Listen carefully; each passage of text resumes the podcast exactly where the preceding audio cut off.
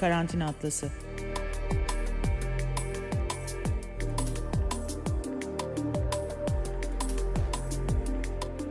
Dünyanın her yerinden, evlerden, sokaklardan bir pandemi günlüğü. Merhabalar, Karantina Atlası'nın son bölümündeyiz. Karantina Atlası'nda bütün dünyayı dolaştık neredeyse. Pek çok ülkeye gittik, pek çok şehre gittik, pek çok meslek dalıyla, meslek dalının sahibiyle görüştük, konuştuk. Peki pandemiden nasıl etkilendiler? Bütün bu soruların cevabını aradık ve son olarak belki de bu salgının en çok etkilediği sektörlerin başında gelen gastronomiyi konuşacağız. Gastronomiyi konuşurken de karşımızda şarap uzmanı işletmeci Levon Baş İstanbul'dan katılıyor ve şef Koral Elçi o da Hamburg'dan katılıyor. Merhaba Levon Koral hoş geldiniz. Merhaba. Selamlar. E, karantina atlası dediğim gibi e, özellikle gastronomi söz konusu olduğunda e, çok ciddi anlamda sıkıntıların yaşandığını daha önce de izleyicilere yansıtmıştı ama böylesi bir birliktelik olmamıştı. Dolayısıyla size hemen sormak isterim. Birincisi e, bir e, şarapçı ve işletmeci gözüyle Levon e, nasıl bakarsın bütün yaşanan sürece? Önce senden onu öğrenmek isteriz. Ya aslında garip, işin garip tarafı şöyle başladı. Herhalde dünyada en çok duyulan beylik laflardan birisidir de e, şey derler. E, dünya yıkılsa yeme içme sektöründe bir şey olmaz lafları vardı. E, onun böyle çok büyük bir yalan olduğunu hep beraber gördük. Yani dünya yıkılmadı, böyle biraz sarsıldı ama o sarsılmayla ilk yıkılan gastronomi sektörü oldu. Pandemi başladığından beri aslında aynı şeyi söylüyordum ben. E, gastronomi sektörünün sadece 3 aylık kapanması, 3 ay boyunca iş yapmıyor olması çok büyük problem değil. E, herhangi bir 3 ay buna benzer pek çok kriz yaşadı. Özellikle ben Türkiye açısından konuşursam. E, çok büyük krizler atlattı bu sektör. Fakat buradaki esas problem şu anda işte bir göreceli olarak serbestleşme başladığından itibaren görüyoruz. Evet insanlar dışarıya çıktı pek çok sektör bıraktığı yerden devam ediyor çalışmaya. Ama gastronomi öyle bıraktığı yerden çalışmaya devam edemiyor. Çünkü bu çok daha etkileşimin olduğu, çok daha uzun sürelerin geçirildiği bir sektör olduğu için insanlar çok da haklı olarak henüz daha eskiye dönemediler. Eskiye dönecekler mi bilmiyoruz tabii. E, o da başta başına başka bir konu olabilir ama şu anda e, pek çok sektör için geçmiş olsa da bu iş e, yaraları sarmaya başlasalar da, makineler çalışmaya başlasa da gastronomi sektörü açıldı belki. Birçok mekanın açık olduğunu görüyorsunuz ama açık olması onların bu işi atlattığı anlamına çok fazla gelmiyor. Biraz sancılı zamanlar devam ediyor. Levon sen aynı zamanda işletmecisin. Bir restoranın var ve bu restoran ne durumdaydı, ne yaptınız, mecburen kapattınız tabii ki. Ama bundan sonrası için ne planlıyorsun, nasıl bir mekandı? İzleyicilerimize, bizi dinleyenlere onu da anlatalım istersen ya, ve bundan sonra nasıl açacaksın? Yani memleketteki pek çok işletmecinin yanında ben böyle şey bir ufak eğlencelik bir şey yapıyormuş gibi gözüküyorum. Bizim mekanımız ufak bir mekandı. Ee, yıllardır hayalimizi kurduğumuz bir şeydi. Biz özellikle Şef Maksut'la beraber işte Koral'ın da iyi arkadaşıdır. Bir hayalimiz vardı. Böyle işte lezzetli yemeklerin bolca yenildiği biraz daha ulaşılabilir e, ve e, natural şarabını, yerli üzümün ön plana çıkartıldı. Bir wine bar konseptinde bir yer açtık. E, tahmin ettiğimizden daha iyi gidiyordu. E, ama e, biraz sevimli bir yerdi bizim mekanımız. Bu sevimliliği de biraz hem ufak olması, insanların iç içe olması, biraz böyle mahalle barı gibi bilenin geldiği, müdavimlerin geldiği, herkesin birbirini tanıdığı bir yerdi. Bu yüzden de kimse çok sıkışık olmaktan da bir şikayet etmiyordu. Hatta hoşuna bile gidiyordu. Fakat bu pandeminin en fazla vurduğu şey de bu oldu. Yani biz artık öyle bir e, hep beraber oturuyoruz, sıkışık oturuyoruz konseptin işte bir şeyler yapıyoruz ve paylaşıyoruz. E, paylaşımlı yemekler yapıyoruz konseptinden. Tabii çok hızlı uzaklaşmamız gerekecek. E, biz tabii her, galiba İstanbul'da ilk kapatan dükkan bizdik e, bu pandemi hikayeleri ilk başladı, duyulduğu anda başladık. Çünkü e, bizim için çok bilinmeyen bir şeydi. Ne yapacağımızı çok fazla bilmediğimiz şeye karşı verdiğimiz tepki oydu. Yani önce çalışanlarımızın sağlığını, kendi sağlığımızı düşünerek. E, biz henüz açmadık. E, açmamızın açmamamızın sebebi de şu. Biraz görmek istiyoruz. Ne, ne olacak, nasıl olacak, nasıl yapabileceğiz, nasıl ilerleyeceğimizi henüz bilmiyoruz. Bu yüzden henüz açmadık. Evet Temmuz'un ilk haftası gibi bir hayalimiz var. Fakat biraz işte yoğurdu üfleyerek yiyoruz. Koral, e, senin e, durumun nasıl? Sen e, mutfağını kapattın mı? Kapatmak zorunda kaldığınızı biliyorum. Hamburg'da da benzer sıkıntılar yaşandı tabii ama bundan sonrası için neler yapacaksın, neler düşüneceksin, nasıl bir hal tarzı izleyeceksin? Durum global bir durum. Türkiye'de yaşananları burada da yaşıyoruz. Aynı problemleri. Belki finansal olarak e, farklı destek ve çözümler üzerine en azından politikayla da e, bir nevi iletişimdeyiz. Ama ona rağmen aynı şekilde e, biz de burada sıkıntı yaşıyoruz. Yani e, ben bundan önceki normale döneceğimizi düşünmüyorum. Özellikle Levon da dediği gibi bizim gibi paylaşılabilir tabaklar veren, insanları bir masada bir araya getiren konseptler için çok zor bir dönem olacak. Ee, onun dışında e, bu hijyen konusundan dolayı yani atıyorum Levon'unki bir, bir, bir dükkanda normalde belki 30-40 kişi sığan bir yere şimdi açtıktan sonra belki 10 müşteri alabiliyorsun. E bu iki kere iki dört hesap edilecek bir şey yok yani sen masraflarını çıkaramıyorsun. Yarın öbür gün yaz dönemi geçip de havalar soğuyunca millet dışarı masa da atamayacak. Durum daha da zor olacak. Yani bu genel durum e, Japonya'dan Amerika'ya kadar bütün gastronomları e, kapsayan bir şey. Biz de bundan payımızı aldık. E, mutfağımızı ilk başta kapattık. Daha doğrusu şöyle anlatayım ben kısaca bir e, belki izleyiciler için de anlamaları için ne yaptığımızı kısaca anlatayım. Biz e, event gastronomisi yapıyoruz. Yani etkinlikler yapıyoruz. Hem kendi etkinliklerimizi e, hem onun dışında özel e, şahısların ve şirketlerin e, event cateringlerini. Bunun dışında markalar için projeler üretiyoruz. E, bir de business catering, kantin işletmeleri yapıyoruz. Yani dijital firmaların Facebook gibi, Trade Desk gibi e, günlük yemeklerini çıkartıyoruz. Bir tane üretim mutfağımız var.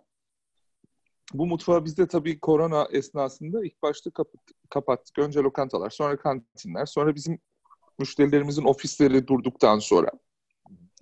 Bu kapatma sürecinde biz bir takım aksiyonlar düşündük. Mutfağı en azından tam kapatmayalım diye ve en azından biraz da bizim e, hani takipçilerimizi işin içine entegre ederek bakın dedik biz kapatmak zorundayız ama bu sürede bir şeyler yapabiliriz. E, Soli Küke diye dayanışma mutfağı diye bir proje yarattık. Online shopumuz üzerinden 7 e, euro değerinde bir öğün yemek, sıcak yemek e, e, servisine başladık. Bu yemekleri de e, takipçilerimizin satın aldığı yemekleri evsizlere ve e, ihtiyacı olan e, kurumlara dağıttık ki e, bunu da hala devam ediyor. Şimdiye kadar bir 10 bin porsiyon falan yaptık. E, kapalı olmamıza rağmen en azından hani burada başka ihtiyacı olanlar da var. Onlara nasıl yardım edebiliriz kafasıyla yol aldık. Bir de hastane ve süpermarket ve e, bu tip yerlerde çalışanlara da bir 8 hafta esnasında kantinlerin kapalı olduğu sürede e, ücretsiz yemek servisi yaptık. Bunun için bir crowdfunding kampanyası yaptık vesaire vesaire. Yani en azından boş durmayalım. En azından değirmenler bir şekilde dönsün. Hem hem çalışanlarımız için çok büyük bir moral ve motivasyon oldu. Yani her şey para kazanmak diye sonuçta bu insanları birbirine bağlayan da bir dönem oldu e, bir nevze. Kimin ne olduğunu insanlar böyle kriz dönemlerinde çok iyi anlıyor. Gerçekten dostum kim, gerçekten kendini çekip kafasını toprağa sokup kaybolan kim onu görüyorsun. Yani biz mücadeleci insanlarız hep olduk. Evet. E bir de burada e, ekonomik düzen daha bile stabil olsa ben İstanbul'da büyüdüm. Bir, bir e, askeri diktatörlük döneminde doğup ondan sonra e, 2020'lere kadar kaç kriz geçiren bir insan olarak yani insanın psikolojik etkilenmesi burada el bebek gül bebek büyümüş Almanya'daki bir insana göre daha farklı oluyor. Ben takip ediyorum. Böyle bir sıkıntıyı hayatında görmemiş jenerasyondan gelen gastronomlar var 30-40 yaşlarında. Adam iptal oluyor çünkü hayatında ekonomik kriz görmemiş. Şimdi böyle bir şey geliyor. Burnout. Tükenmiş yani. Çok farklı şekilde insanları etkiliyor. Bunu anlatmak istiyorum. Levon az evvel e, Pakistan ve Afganistan röportajları yaptım. Afganistan'dan konuştuğum arkadaşım e, karantina atlası için dedi ki yani hani burada çok tuhaf bir mizah anlayışı oluştu. E, biz 1970'lerden beri o kadar büyük krizler gördük ki korona bize bir şey yapamaz. Yani hani dolayısıyla Koral'ın dediği gibi mevzu biraz da krizlerle baş etmeyi bilen insanların, ülkelerin, halkların e, üstesinden daha kolay gelebilecekleri gibi bir şey galiba ama Leon senin dükkanında çalışan insanlar vardı. Ben Evet. e, hemen hepsini tanıyorum. E, dolayısıyla e, o çalışanların durumunu nasıl e, hallettiniz? Nasıl bir e, yola soktunuz? E, Ya- bu önemli. Bizim için şöyle bir sıkıntı vardı. Şu demin söylediğinle alakalı bir şey söyleyeyim önce. Ee, Türkiye gibi, Pakistan, Afganistan gibi ülkeler e, ilk defa kendilerini bir büyük oyunun parçası olarak gördüler. Ya bize hep krizler tek başımıza vururdu ya. Yani dünya dönmeye devam ederdi. Herkes için hayat güllük gülistandı ama biz böyle ha- hayatın rutininden çıkıp bir yerlere savrulurduk falan. Ee, bu sefer ilk defa biz de gayet kendimiz yani tamam biz evde oturuyoruz ama New York'taki de evde oturuyor. Yani Central Park'ta da neler oluyor falan gibi böyle bir e, kötü avuntusuna soktuk belki. Evet. Ee, ya biz ne yaptık? Aslında şöyle bir durum var. Bizim yani bizim şeyimize baktığımız zaman e, yani Foxy özelinde baktığımız zaman bizim şöyle iki tane büyük şans yani bizim aslında çok büyük şansımız şanssızlık olarak bu pandemide ortaya çıktı. Ee, senin de bildiğin gibi biz böyle genç hevesli e, öğrenmek isteyen, çalışmak isteyen e, ve çok da kıymet verdiğimiz genç arkadaşlarla çalışıyorduk. E, çalışıyoruz da hala. Hiçbiriyle çalışmadan vazgeçmedik. E, onlarla çalışırken tabii bu işte askeri e, şey kısa ge- geçim indirimi falan gibi o hani o maaşlar, devletin verdiği yardımların birçoğundan maalesef faydalanamadık. İşte kimisinin daha önceki çalışma zamanının azlığından, bizim dükkanın daha çok yeni olmasından kaynaklanan bazı problemler oldu. Ee, ama bir şekilde kendi içimizde yani kendi yağımızda bu işlerden biraz kurtulmaya çalışıyoruz. Tabii ki onlar da dükkanın açık olduğu zaman kadar e, gelir elde edemediler ama en azından hep beraber hayatta kalmayı ç- becer, becermeye çalışıyoruz. kaybetmediler aslında önemli Evet. olan. Ya biz mesela dükkanı at- kapatmadan üç gün önce e, işe girişini yaptığımız, işe aldığımız arkadaşımızla hala beraberiz ya. Beraber olmaktan da mutluyuz yani. Çünkü e, ümit ediyoruz ki eğer açarsak hep beraber devam edeceğiz. Ee, bence benim en yani hep yıllardır yani evet yeni bir işletmeciyim ama çok uzun zamandır işte insanlara dükkanlarına alakalı danışmanlık veriyorum. Ee, bu konu hakkında ukalalık yapıyorum. E, bir dükkanı dükkan yapan şey patronu falan değildir. Dükkanı senin sevimli kılan şey orada gittiğin zaman gördüğün, çalışıyor olmaktan mutlu olan insanlardır. E bunu sağlamak da bizim görevimiz. Tabii bunu ben söylüyorum. Bir de arkadaşlara sormak lazım. Mutlular mı? Bunu bilmiyorum. evet Koral, e, mutfak emekçilerinin durumu ne peki? E, bir yandan da Hamburg'a dönelim ve e, orada e, saatlerini mutfakta yemek yaparak geçiren insanların e, şu an geldikleri durumu bize, bize biraz özetler misin? Şimdi e, Levon'un dediği gibi aynı sıkıntılar bizde de var. Yani biz de aynı şekilde ben korona başlamadan bir hafta önce işe aldığım insan bile hala bizde. Burada da bu e, kısa çalışma sistemi var tabii. E, insanlara maaşlarının yüzde 60'ını verebileceğimiz şekilde devlet bunu karşılıyor bir süre için. E, çocuklu olanlara yüzde 67 oluyor bu miktar. Ve şimdi devlet bize bu ma- e, bunun üzerine yüzde yirmi vergisiz yüzde yirmi bunu yükseltme imkanı verdi de ciron olmadıktan sonra neyi neyle yüzde yirmi yükselteceksin? Öyle Vallahi- sıkıntılar var şimdi. Şikayet etme bize IBAN verdi. evet bizde öyle bir durum da var. Evet ama en azından ben şikayet etmiyorum canım. Sonuçta en azından bir şeyler oluyor da şimdi yine de şöyle bir sıkıntı var. Şimdi adam gastronomide çalışıyor, belli bir maaş alıyor. Ama biliyorsun bahşiş çok önemli bir parçası bu bu işin. Yani yüzde yirmi falan gibi bir şeyini de o yapıyor. Şimdi senin bütün e, tipin gitti. Hı hı. E, tipin dışında maaşının yüzde kırkı gitti. E, yani yüzde elliden fazla bir iniş var. Şimdi adam bir ay iki ay idare edebilir. Bunun dışında Levon'un dediği gibi e, az çalışan öğrenci, mini job dedikleri haftada belli saatlerde çalışan insanlar bu kapsama alınmıyor. Yani onların maaşları karşılanmıyor. Biz gücümüz yettiği sürece bu tip elemanların maaşlarını da kendimiz karşılamaya çalıştık. E, gastronomiyi biliyorsun öyle gastronomi e, hani çuvalla köşeye para attığın bir sektör değil. İnsanların kafasında da hala bu var. Yani dışarıdaki insan baktığında şey görüyor. Biz e, Porsche süren kara para aklayan insanlarız kafası. Yani öyle bir gastronomi kalmadı bundan 30 sene önceki gibi. Yani burada öyle bir şey olmadığı için insanların böyle bir birikim yapma imkanı da çok zor. Biz e, burada köşedeki e, Yunan'ın, Türk'ün, İtalya'nın sesini de duyurmak için bir e, şey yaptık. Bir, bir araya geldik. Bir e, petisyon başlattık. imza kampanyası change.org'da.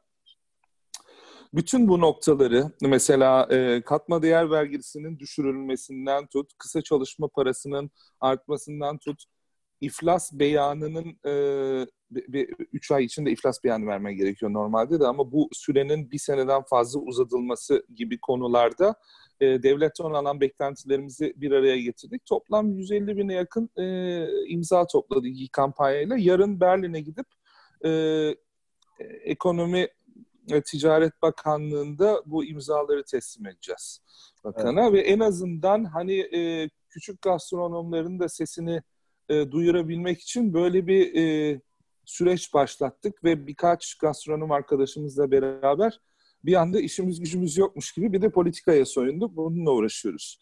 Evet. Ee, sonuçta durum belki tabii Almanya'nın ekonomik stabilitesinden dolayı biraz daha iyi olabilir ama dediğim gibi hiçbir gastronom bunu 2-3 aydan fazla burada e, şey yapamayacak. Götüremeyecek ve Sen açtın benim... mı dükkanını? Biz daha hiçbir şey yaşamadık. Bizim eyalette Hamburg'da zaten hala etkinlik yapma yasağı var. Yani ben 50 kişi bile toplayıp bir tane düğün catering kendi etkinliklerimizi yapamıyorum. İmkanı yok. Restoranı olan arkadaşlar, açlıklarımız açan arkadaşlar da hava güzel olan günlerde en azından yüzde 50-70'e kadar ciro yapabiliyorlar. Bu da dışarıda ne kadar masan olduğunla ilgili. Ee, ama diğer günlerde bugün mesela hava çok kötü. Ee, adamın işleri yüzde yirmilerde, otuzlarda. Nasıl bunu karşılayabilirsin? Bir yandan ev sahibinle konuş, kira pazarlıkları yap. Bir yandan devlette yok sosyal sigortaydı, vergiydi, bunun hesabını yap. Yani politika için de çok yeni bir durum. Bu dünyanın başında Doğru. ben doğduğumdan beri gelmedi yani bir senedir. Ee, şimdi onlar da e, ne yapacaklarını tam bilmiyorlar. Onu da kabul etmek lazım. Evet. Ama en azından e, kriz dönemi diyalog dönemidir. Ne kadar çok iletişim içinde olursak o kadar e, daha verimli çözümler üretebileceğimizi düşünüyorum. Şimdi burada bence şimdi bir de şey deniliyor. Hadi işte açıldı burada, lokantalar açıldı. Ee, korona ikinci dalga da gelecek. Bence bu gelecek ikinci korona dalgası koronanın kendisi olmayacak. Bu ikinci korona krizi gerçek ekonomik kriz olacak ki biz daha onu hiçbirimiz görmedik. Daha biz olayın bir kaza sonrasındaki şok dönemindeyiz. Evet. Yani şimdi tamam normale dönme kafasında herkes. Böyle bir normal de bence olmayacak. Karamsar bir insan değilim. Benim gerçekçi analizim bundan sonraki normali bizim beraber e, formülünü bulmamız gerektiğini düşünüyorum. Yani e, havalar biraz daha kötüleşince Eylül, Ekim burada Ekim'den itibaren soğumaya başlıyor. Türkiye'de biraz daha sürer ama insanlar içeri girmeye başladıkça gastronomi çok daha zorlanacak. Hem sadece hijyenle ilgili değil olay. E, Levon'un ilk başta belirttiği gibi insanlar da gelmiyor. Yani senin benim psikolojik bir faktör var. Psikolojik yani. olarak gelmediği gibi hem psikolojik hem de ticari şey olarak gelmiyor. Adam ekonomik olarak Tabii. gelen müşterimin de bir bölümü bundan etkilenmiş vaziyette. Evet. Yani e, o yüzden bu esas kriz önümüzdeki 2-3 sene bizi bayağı bir e, meşgul edecek diye edecek düşünüyorum. Gibi. Politik evet. dengeleri, e, ticari dengeleri değiştirecek. Ha ben niye ses çıkarmak istiyorum? Niye imza topluyorum? Niye küçük gastronomileri e, bir araya getirmeye çalışıyorum? Çünkü ben böyle bir krizin sonunda sokağa çıktığında sokağın sistem gastronomiden ve büyük zincirlerden oluşan bir dünya olmasını istemiyorum. Yani e, sadece güçlü olanın hayatta kalacağına inanmıyorum. Böyle bir krizde yaratıcı ve hızlı olan da hayatta kalabilir. Biz yaratıcı ve hızlı insanları bir araya getirip nasıl ben buna şey diyorum um, um, gastronomideki diversity'yi yani um, Çeşitlilik. bu çeşitliliği doğal çeşit çeşitliliği korumak üzerine Evet. bir nevi bir doğa koruma şeyi gibi bu farklı türleri koruma üzerine bir çalışma yapmamız gerekiyor. Çünkü bu çok çeşitliliği doğada olduğu gibi gastronomide kaybedersek kültürler bir çöküşü geçeceğiz. Çünkü bu Evet. çok çeşitlilik gastronominin rengi sosyal hayatımızın gerek Hı hı. Türkiye'de gerek Almanya'da olsun çok önemli bir parçası. Evet. Ee, Levon, e, evet bu çeşitliliği koruyabilmek önemli. Dolayısıyla e, sana şunu sormak isterim. Şimdi gastronomiden bahsettiğimiz zaman üretim ve tedarik zincirini asla ihmal edemeyiz. Şimdi e, sizin dükkanınızda ya da Koral'ın e, işte yaptığı işte şunu biliyorum ki işte daha e, yerel ürünlerin e, tüketildiği, insanlara sunulduğu e, ve bunlar üzerinden e, bir e, aslında yeme içme politikasını sürdürdüğünüz bir durum var ortada. E, şu anda durum nedir? Şimdi tarım etkilendi bundan. E, her türlü üretim etkilendi. E, bu işin e, nakliyesi vesairesi var, soğuk zinciri var. E, baktığınızda e, ne görüyorsun sen bundan sonrasında? E, bu e, sıkıntı da aşılabilecek duruma gelecek mi yakın zamanda? Aslında burada üretimi e, etkileyen şey çok fazla yok. Yani üretim devam etti. Allah'tan devam etti herkes için. E, ama şunu düşünmek lazım. Birçok nokta için artık yerel ürün kullanmak bir tercih olmaktan çıkacak. Mesela bizim için bir tercihti. Yani biz neysesine katlanıp yerel ürün kullanmayı tercih ediyorduk. Birçok mekan için artık yerel ürün kullanmak bir tercih değil, bir zorunluluk haline gelecek. Bu sevindirici bir şey. Fakat e, şunu unutmamak lazım. E, Türkiye gibi çok ciddi bir turizm beklentisi, turizm geliri ve turizm yapan e, ülkelerde ciddi bir problem var. Mesela ben en azından en iyi bildiğim taraftan şarap tarafından bir örnek vereyim size. Türkiye'de üretilen şarabın e, neredeyse yüzde ellisi e, beş yıldızlı otellerde, güneyde işte her şey dahil sistemde çalışanlarda ya da turistik tesislerde tüketilir. Yani bu da şu demek, neredeyse Türkiye'de içilen iki şişe şaraptan bir tanesini aslında gelen turist tüketiyor.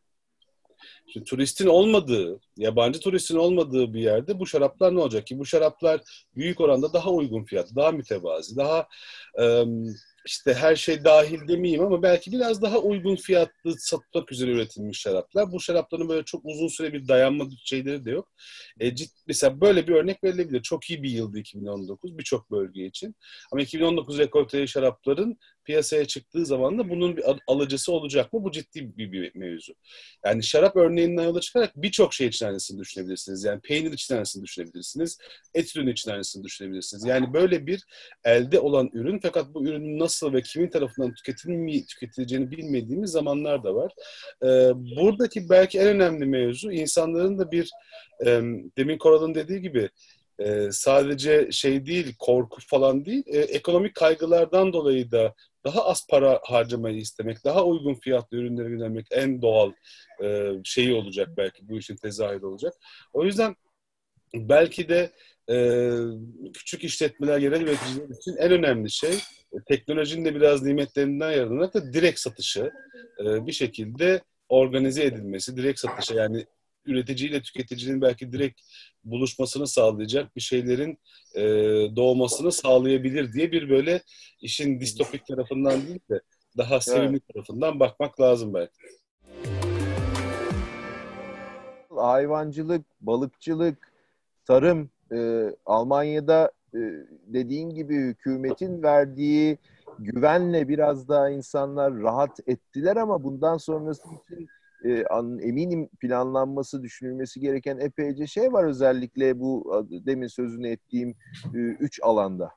Tarım ve hayvancılık konusunda ve üretimdeki e, sıkıntılar ve avantajlara gelelim. Yani böyle bir fırsatı e, biraz akıllı olursa e, politikacılar çok e, kendi avantajımıza kullanabiliriz. Levon'un az önce dediği gibi yerel ürün kullanmanın e, neredeyse zorunlu hale gelebildiği e, bir dönemdeyiz. Bu büyük bir fırsat da olabilir. Özellikle böyle bir esnada küçük üreticiyi desentral üretimi e, nasıl destekleyip bunu bir fırsat olarak kullanabiliriz. Bu konuda çalışmak lazım. İkincisi e, bu korona ve türevi virüslerin geldiği kaynaklara baktığımızda direkt ya da en direkt bu işin en büyük nedeni bizim e, vahşi hayatın sınırlarını geçip onların yaşam alanlarını işgal etmemizde ve e, e, bu endüstriyel hayvancılıkla ilgili olduğunu görüyoruz. Yani özellikle et tüketimi bilincinin arttırılması ve endüstriyel et üretiminden uzaklaşmak benim korona ile ilgili en büyük fantazilerimden, hayallerimden, isteklerimden biri. Bu tabii iki günde olacak bir şey değil. Ama yani isterim ki bu biraz daha tartışılsın, biraz daha e, hakikaten bu konuda insanların kafasında belki özellikle tüketicide bitiyor iş. Tüketiciyi bilinçlendirmek için e, adımlar atalım ki insanlar bu bu bunu bir fırsat olarak görüp e, alışkanlıklarını değiştirmeye başlasın. Yani e, tüketicinin de aynı e, duyarlılığı gösterip demesi lazım ki ya ben her gün et yemeyeyim de haftada da bir kere yiyeyim. Sadece tüketimle işte efendime söyleyeyim e, üretim kriziyle ya da maddi krizle değil aslında çok majör bir varoluş kriziyle karşı karşıyayız. Yani bu şekilde hani biz hep normalden bahsediyoruz. Eskiyi böyle yüceltmemek de lazım bu kadar. Eski, yani bugünkü anormal durumumuzun nedeni eski normalimiz. Bu eski normalden biraz e, onu sorgulamamız lazım. Yani bu, çılgınca tüketim, e, işte dün e, Çin'de üretilen malın bugün soframma gelmiş olmasından mutluluk duymak ya da işte e, hayvanın sadece bir yerinden milyonlarca lira vererek bir, bir tane bir şey çıkartmanın sanki enteresan ve kıymetli bir şey olduğunu zannetmek falan bunlar başlı başına bir e, tüketim çılgınlığını ve bugünkü halimizin müsebbibi bu, bu, bunlar. Bunlardan vazgeçebiliriz bilirsek eğer e, bu işten de yırtabiliriz. Yani şöyle bir durum var.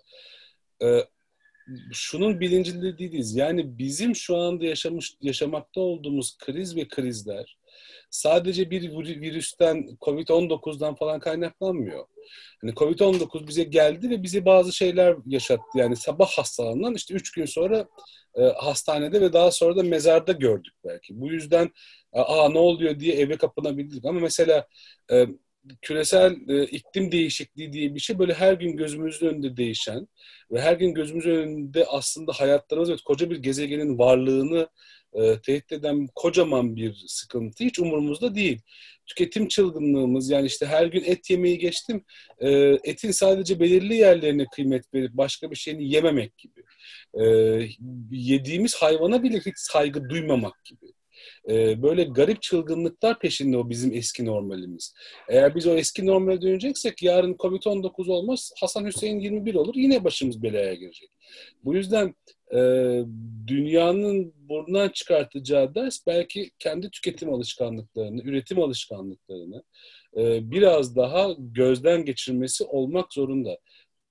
Bu, bu zaten yaşadığımız büyük krizin COVID-19 içerisindeki bir e, sıçrama noktasıydı diye düşünüyorum. E, bununla mücadele etmek de aslında kişisel olarak insanoğlundan başlıyor.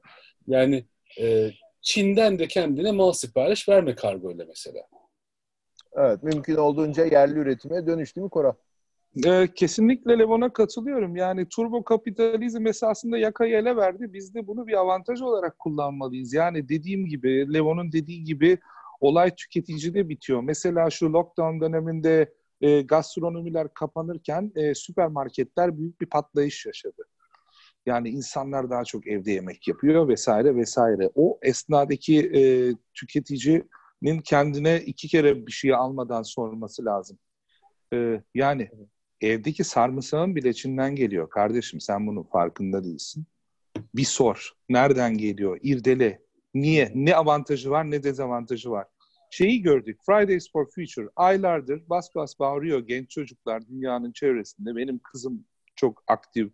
Ee, işte e, oraya buraya uçmayalım, e, işte e, biraz daha bilinçli davranalım, dünya elden gidiyor derken bir dünya şarkıları kapattı. Havada bir uçak görmüyorsun.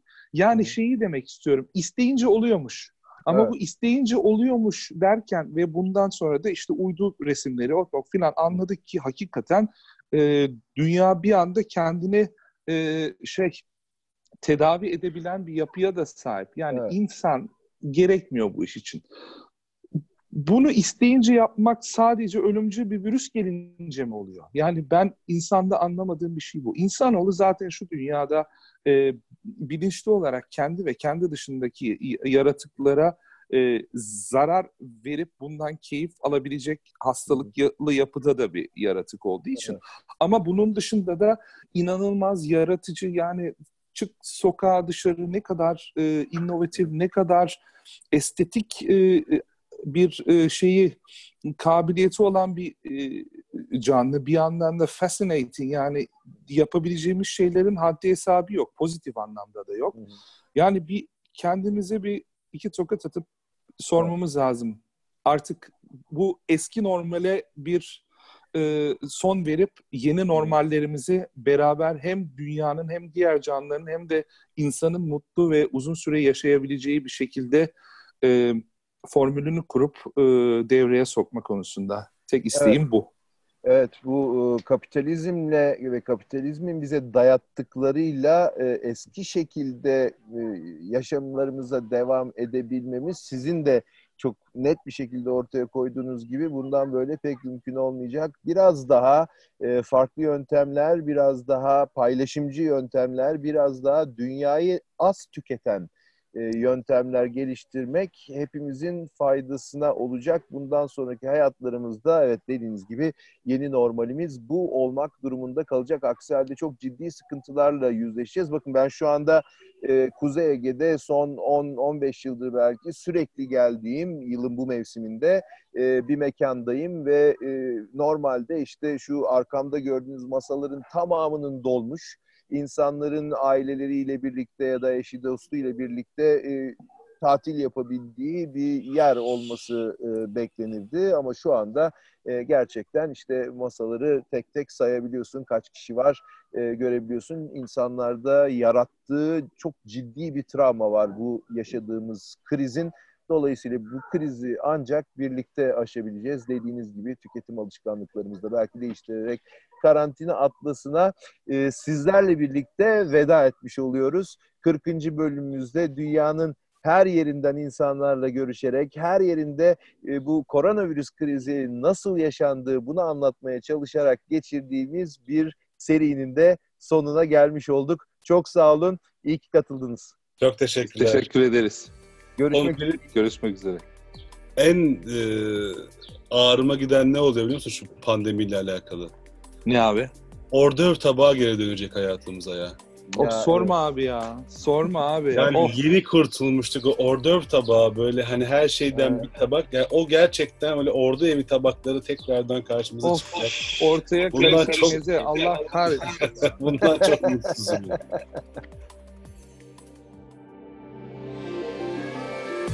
Karantina Atlası.